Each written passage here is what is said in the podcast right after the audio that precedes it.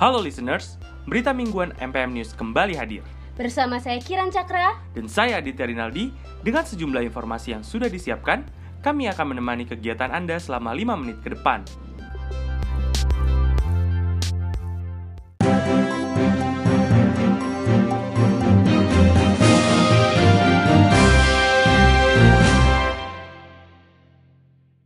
Berita pertama dari dunia internasional, yaitu mengenai Pilpres Amerika Serikat. Trump belum mengakui kekalahan. Proses peralihan pemerintahan Amerika Serikat terhambat. Presiden Donald Trump belum mengakui kemenangan rivalnya Joe Biden. Ini menyebabkan proses peralihan pemerintahan Amerika Serikat terhambat. Di Amerika sendiri, proses peralihan pemerintahan harus disetujui oleh Kepala Badan Urusan Umum Amerika Serikat yang saat ini dijabat oleh Emily Murphy. Sebelumnya, proses peralihan ini tidak pernah memakan waktu yang lama. Contohnya pada tahun 2016, ketika Trump menang, saat itu Presiden Barack Obama menyetujui proses transisi sehari setelah pengumuman pemenang Pilpres.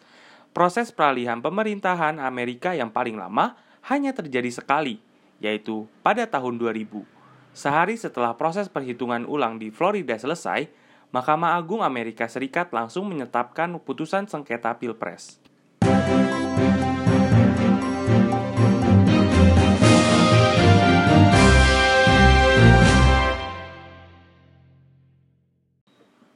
Selanjutnya, berita mengenai COVID-19. Presiden Ukraina positif COVID-19. Presiden Volodymyr Zelensky dinyatakan positif mengidap virus corona usai menjalani tes pada Senin 9 November 2020. Dia terpilih menjadi presiden Ukraina pada tahun 2019, setelah sebelumnya berprofesi sebagai aktor dan pelawak. Saat masih aktif, Volodymyr membintangi acara komedi situasi berjudul Pelayan Rakyat.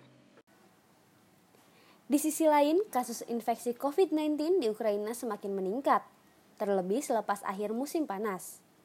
Karena itu, rumah sakit mengalami lonjakan pasien, tetapi fasilitas dan APD tidak mencukupi. Sejauh ini, Ukraina mencatat sebanyak 8.867 kasus pasien baru yang terinfeksi COVID-19. Dan sampai saat ini, terdapat 8.565 pasien yang meninggal dunia akibat corona.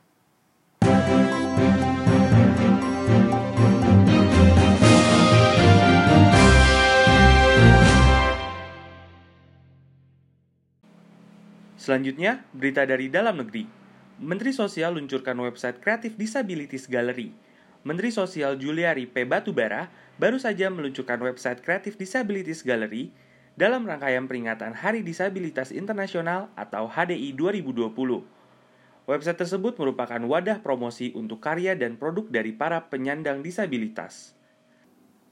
Kreatif Disabilitas Gallery ini merupakan galeri virtual berbentuk dom yang menampilkan berbagai macam acara seperti pameran karya penyandang disabilitas, pertunjukan kreatif, talk show, sharing session, live games, dan kisah-kisah inspiratif para penyandang disabilitas.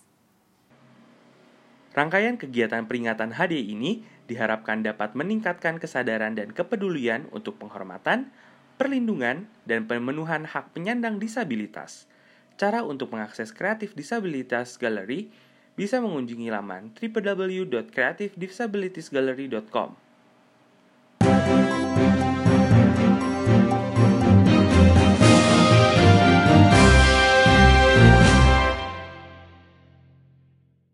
Berita terakhir hari ini, Bandung terancam masuk zona merah COVID-19.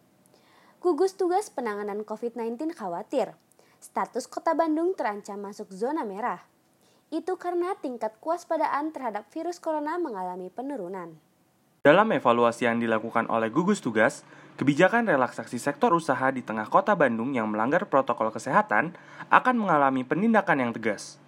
Selain itu, pencegahan klaster keluarga harus diperketat. Apabila salah satu anggota keluarga harus beraktivitas di luar rumah, pastikan untuk langsung membersihkan diri sebelum berinteraksi dengan anggota keluarga yang lain.